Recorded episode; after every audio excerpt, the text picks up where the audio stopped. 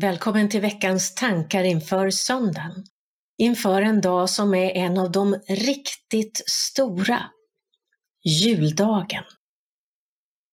Här i Norden så är vi ju lite speciella. Vi firar ju aftnar här uppe. Så för de flesta av oss så är det julafton som är i fokus. Men det är under julnattens stilla, tysta, dunkla timmar som det sker undret. Att Gud kommer till världen, att han kommer till oss och föds som ett litet, hjälplöst, vänlöst barn. För det är vad julen handlar om. Att Gud älskar oss så mycket att han blir en av oss. Att han kommer till oss och vår värld för att ta del av livets alla aspekter. För att få känna den mest sprudlande, jublande glädje, men också den djupaste smärtan. Och Gud gör allt detta av kärlek till dig och mig och till hela sin skapelse.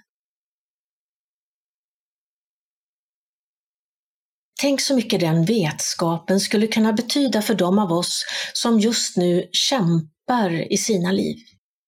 De av oss som har svårt att tro, både på Gud och på sig själva.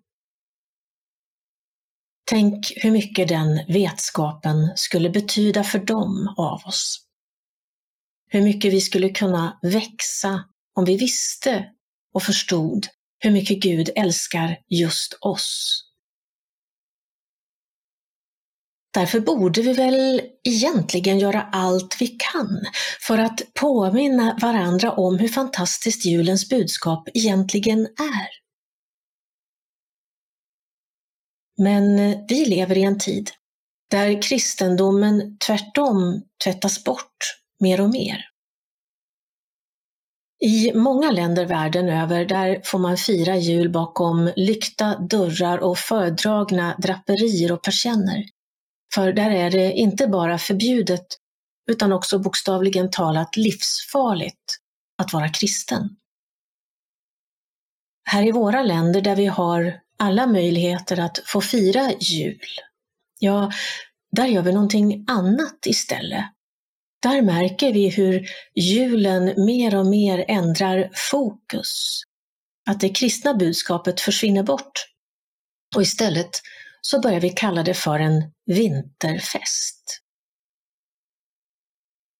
Men när ingen längre talar om julens kristna mirakel, ja, då är det ju bara en tidsfråga innan allt faller i glömska.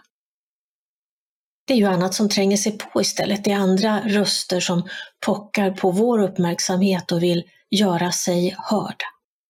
Och plötsligt så kommer den dagen när ingen längre minns. Just därför har det nog aldrig varit viktigare att hålla fast vid julens kristna budskap än just nu. Så inför den här julen, varför inte ta tillfället i akt att bevara en av våra allra käraste traditioner? Den att samla familjen och tillsammans läsa julevangeliet. Och om den här traditionen har gått förlorad i din familj, varför inte återuppväcka den? Och även om du inte har någon i din närhet, om du är en av dem av oss som kommer att fira jul i ensamhet. Vi är många som kommer att göra det det här året också. Så läs julevangeliet i alla fall. Varför inte läsa det högt?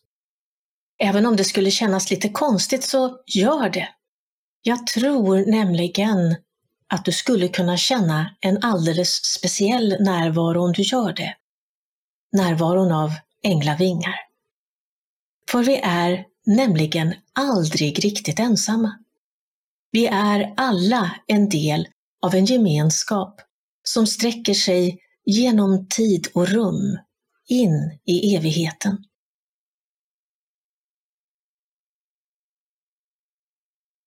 Julnatten, den sänker sig så stilla och sakta där ute.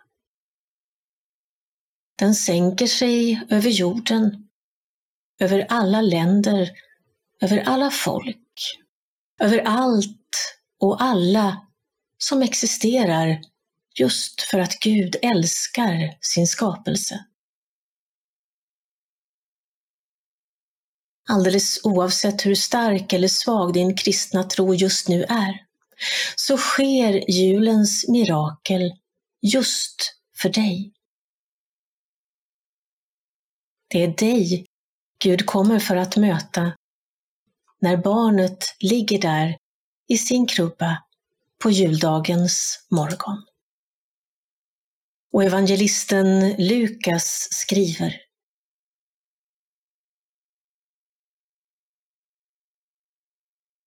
Vid den tiden utfärdade kejsar Augustus en förordning om att hela världen skulle skattskrivas. Det var den första skattskrivningen och den hölls när Quirinius var ståthållare i Syrien. Alla gick då för att skattskriva sig, var och en till sin stad. Och Josef, som genom sin härkomst hörde till Davids hus, begav sig från Nasaret i Galileen upp till Judeen, till Davids stad Betlehem, för att skattskriva sig tillsammans med Maria, sin trolovade, som väntade sitt barn. Medan de befann sig där var tiden inne för henne att föda, och hon födde sin son, den förstfödde. Hon lindade honom och lade honom i en krubba eftersom det inte fanns plats för dem inne i härberget. I samma trakt låg några herdar ute och vaktade sin jord om natten. Då stod Herrens ängel framför dem och Herrens härlighet lyste omkring dem och de greps av stor förfäran. Men ängeln sade till dem, var inte rädda. Jag bär bud till er om en stor glädje, en glädje för hela folket. Idag har en frälsare fötts åt er i Davids stad. Han är Messias, Herren. Och detta är tecknet för er. Ni ska finna ett nyfött barn som är lindat och ligger i en krubba. Och plötsligt var där tillsammans med ängeln en stor himmelsk här som prisade Gud. Ära i höjden åt Gud och på jorden fred åt dem han har utvalt. När änglarna hade farit ifrån dem upp till himlen sade hedarna till varandra Låt oss gå in till Betlehem och se det som har hänt och som Herren har låtit oss veta. De skyndade iväg och fann Maria och Josef och det nyfödda barnet som låg i krubban. När de hade sett det berättade de vad som hade sagts till dem om detta barn. Alla som hörde det häpnade över vad hedarna sade. Maria tog allt detta till sitt hjärta och begrundade det. Och herdarna vände tillbaka och prisade och lovade Gud för vad de hade fått höra. Och se, allt var så som det hade sagts dem.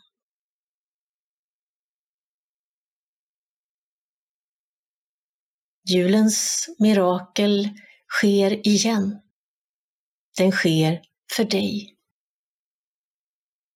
Så vem du än är, var du än är, jag önskar dig en riktigt god och välsignad jul.